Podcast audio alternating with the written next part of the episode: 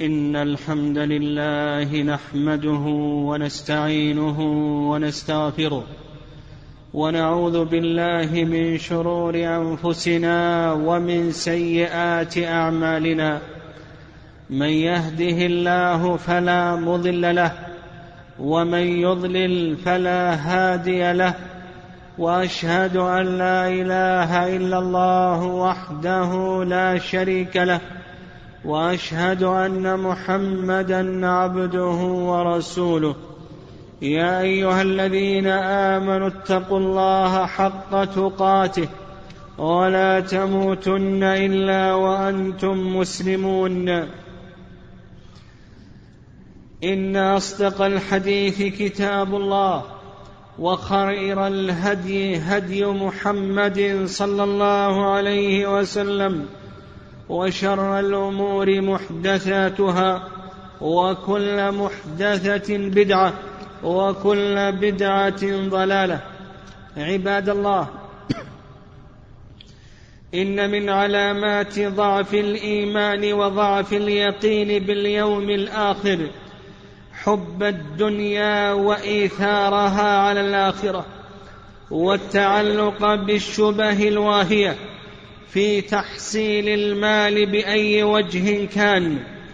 ولقد تعددت في زماننا هذا أبواب الكسب الحرام التي وقع فيها الكثيرون فأهلكوا بذلك أنفسهم وأهليهم. وكل جسم نبت من سحت فالنار أولى به. ووقع آخرون في الشبهات ومن وقع في الشبهات. وقع في الحرام. كراعي يرعى حول الحمى يوشك أن يرتع فيه. ألا وإن لكل ملك حمى. ألا وإن حمى الله محارمه عباد الله ومن المصادر الخبيثة لكسب المال التي تتايع فيها كثير من الناس اليوم. الأخذ من بيت مال المسلمين بلا حق بدعوى أن له فيه حقا أو أن ما يتعاطاه من مرتب لا يكفيه أو غير ذلك من الدعاوى التي لا تغنيه عند الله فتيلا. الاخذ من بيت المال يبدأ بأخذ قلم أو ورقة أو محبرة وينتهي بسرقة ملايين الريالات بشتى الحيل وطرق التزوير مما ينطلي على البشر وينكشف لرب البشر عالم الغيب والشهادة الذي لا تخفى عليه خافية. ولا يدري ذلك الآخذ. أن الذي أن ولا يدري ذلك الآخذ. أن خصمه في هذا الأخذ. لي إن أن خصمه في هذا الأخذ هم المسلمون جميعا. فقد أخذ من مالهم بغير حق. بل إن خصمه هو الله الواحد القهار. الذي يقول إن الله لا يحب الخائنين. ويقول وما كان لنبي أن يغل ومن يغل يأت بما غل يوم القيامة. والغلول هو الأخذ من بيت المال بطريق غير مشروع كالتزوير والكذب والحيل المتنوعة الباطلة. فمن فعل ذلك فهو غال آكل للحرام. ثبت في صحيح مسلم من حديث أبي هريرة رضي الله عنه قال قام فينا رسول الله صلى الله عليه وسلم ذات يوم فذكر الغلول فعظمه وعظم أمره ثم قال لا ألفين أحدكم يجيء يوم القيامة. على رقبته بعير له رقاء يقول يا رسول الله أغثني. فأقول لا أملك لك شيئا قد أبلغتك. لألفين أحدكم يجيء يوم القيامة. على رقبته فرس له حمحمة. فيقول يا رسول الله أغثني. فأقول لا أملك لك شيئا قد أبلغتك. لألفين أحدكم يجيء يوم القيامة على رقبته شاة لها ثغى. يقول يا رسول الله أغثني. فأقول لا أملك لك شيئا قد أبلغتك. لألفين أحدكم يجيء يوم القيامة على رقبته نفس لها صياح. فيقول يا رسول الله أغثني. فأقول لا أملك لك شيئا قد أبلغتك. لا ألفين أحدكم يجيء يوم القيامة على رقبته رقاع تخنقه. فأقول يا رسول فيقول يا رسول الله أغثني. فأقول لا أملك لك شيئا قد أبلغتك. لا ألفين أحدكم يجيء يوم القيامة على رقبته صامت أي ذهب وفضة. فيقول يا رسول الله أغثني فأقول لا أملك لك شيئا قد أبلغتك. حديث عظيم يزلزل القلوب الحية ويهزها هزا. فمن سرق شاة أو بعيرا أو سيارة أو متاعا جاء يحمله على رقبته يوم القيامة مفضوحا بين العباد. إلا أن يتوب إلى الله عز وجل ويرد ما أخذ إلى بيت المال. يقول النبي صلى الله عليه وسلم أدوا الخيط والمخيط وإياكم والغلول فإنه عار على أهله يوم القيامة. رواه الإمام أحمد من حديث عبادة بن الصامت. رضي الله تعالى عنه. وفي الصحيحين وفي الصحيحين أن رجلا قتل في غزوة خيبر فقال الصحابة رضي الله تعالى عنهم هنيئا له الشهادة يا رسول الله. قال كلا والذي نفسي بيده إن الشملة لتلتهب عليه نارا. أخذها يوم خيبر من الغنائم لم تصبها المقاسم ففزع الناس فجاء رجل بشراك أو شراكين وقال أخذتهما يا رسول الله؟ فقال عليه الصلاة والسلام شراك أو شراكان في النار. وفي حديث عبد الله بن عمرو قال كان رجل قال كان رجل مات فقال النبي صلى الله عليه وسلم هو في النار فذهبوا ينظرون فوجدوا عباءة قد غلها رواه البخاري. وعن خالد بن زيد الجهني رضي الله عنه أن رجلا قتل في غزوة خيبر. فامتنع النبي صلى الله عليه وسلم من الصلاة عليه وقال إن صاحبكم قد غل قال ففتشنا متاعه فوجدنا خرزا من خرز اليهود لا يساوي درهمين. عباد الله ويدخل في الغلول هدايا الموظفين الهدايا التي يأخذها الموظفون بسبب عملهم إنما أهديت لهم من أجل وظائفهم. لم تكن هذه الهدية بسبب قرابة أو زمالة أو جوار ونحو ذلك وإنما هي من أجل العمل. روى أبو حميد الساعدي رضي الله عنه قال استعمل رسول الله صلى الله عليه وسلم رجلا من الأزد على الصدقات على الصدقات يدعى ابن اللتبية. فلما جاء يحاسبه قال هذا مالكم وهذا أهدي لي. فقال رسول الله صلى الله عليه وسلم فهلا جلس في بيت أبيه وبيت أمه ينظر أيهدى إليه أم لا. ثم خطب رسول الله صلى الله عليه وسلم فحمد الله وأثنى عليه ثم قال أما بعد فانني فإني أستعمل الرجل منكم على العمل مما ولاني الله فيأتي فيقول هذا مالكم وهذا هدية اهديت لي أفلا جلس في بيت أبيه وأمه حتى تأتيه هديته إن كان صادقا.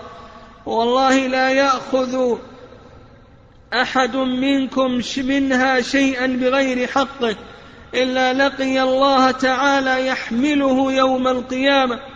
فلا أعرفن أحدا منكم لقي الله يحمل بعيرا له رغاء أو بقرة لها خوار أو شاة تيعر ثم رفع يديه حتى رؤي بياض إبطيه يقول اللهم هل بلغت؟ اللهم هل بلغت؟ وفي صحيح مسلم من حديث عدي بن عميرة رضي الله عنه قال سمعت رسول الله صلى الله عليه وسلم يقول من استعملناه منكم على عمل فكتم, خي فكتم مخيطا فما فوق. كان غلولا يأتي به يوم القيامة. قال فقام إليه رجل أسود من الأنصار كأني أنظر إليه. فقال يا رسول الله اقبل عني عملك. قال رسول الله صلى الله عليه وسلم وما لك قال سمعتك تقول كذا وكذا. قال عليه الصلاة والسلام وأنا أقوله الآن من استعملناه منكم على عمل فليجئ بقليله وكثيره.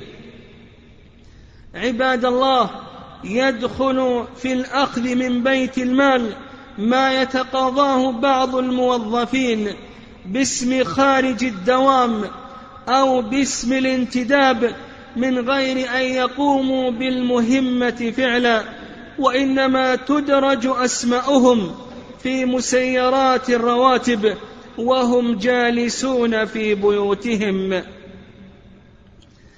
ألا إن هذا أخذ ألا إن هذا أخذ للمال بغير حقه فليتق الله أولئك.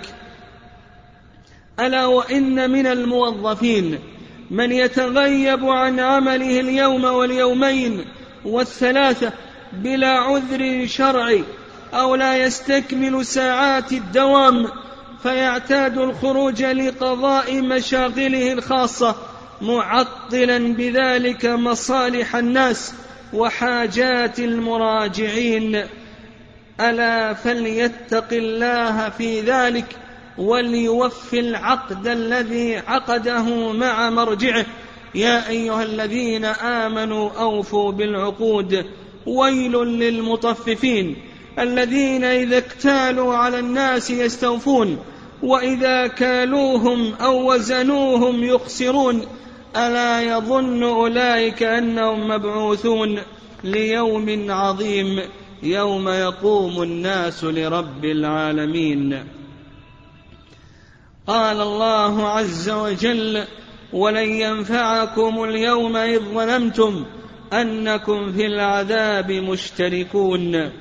ويدخل في الغلول والأخذ من بيت المال بغير حق ما يفعله بعض مأمور المشتريات من تلاعب بفواتير الشراء فتدون أرقام المشتريات بأضعاف القيمة الحقيقية للسلع المشتراه ويتواطأ مع بعض الباعة ويتواطأ مع بعض الباعة ويت ويتفقون على الكذب, على الكذب والتحيل.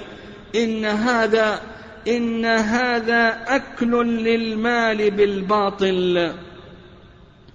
اللهم جنبنا الكسب الحرام اللهم جنبنا السحت والغلول اللهم أغننا بحلالك عن حرامك وبفضلك عمن سواك.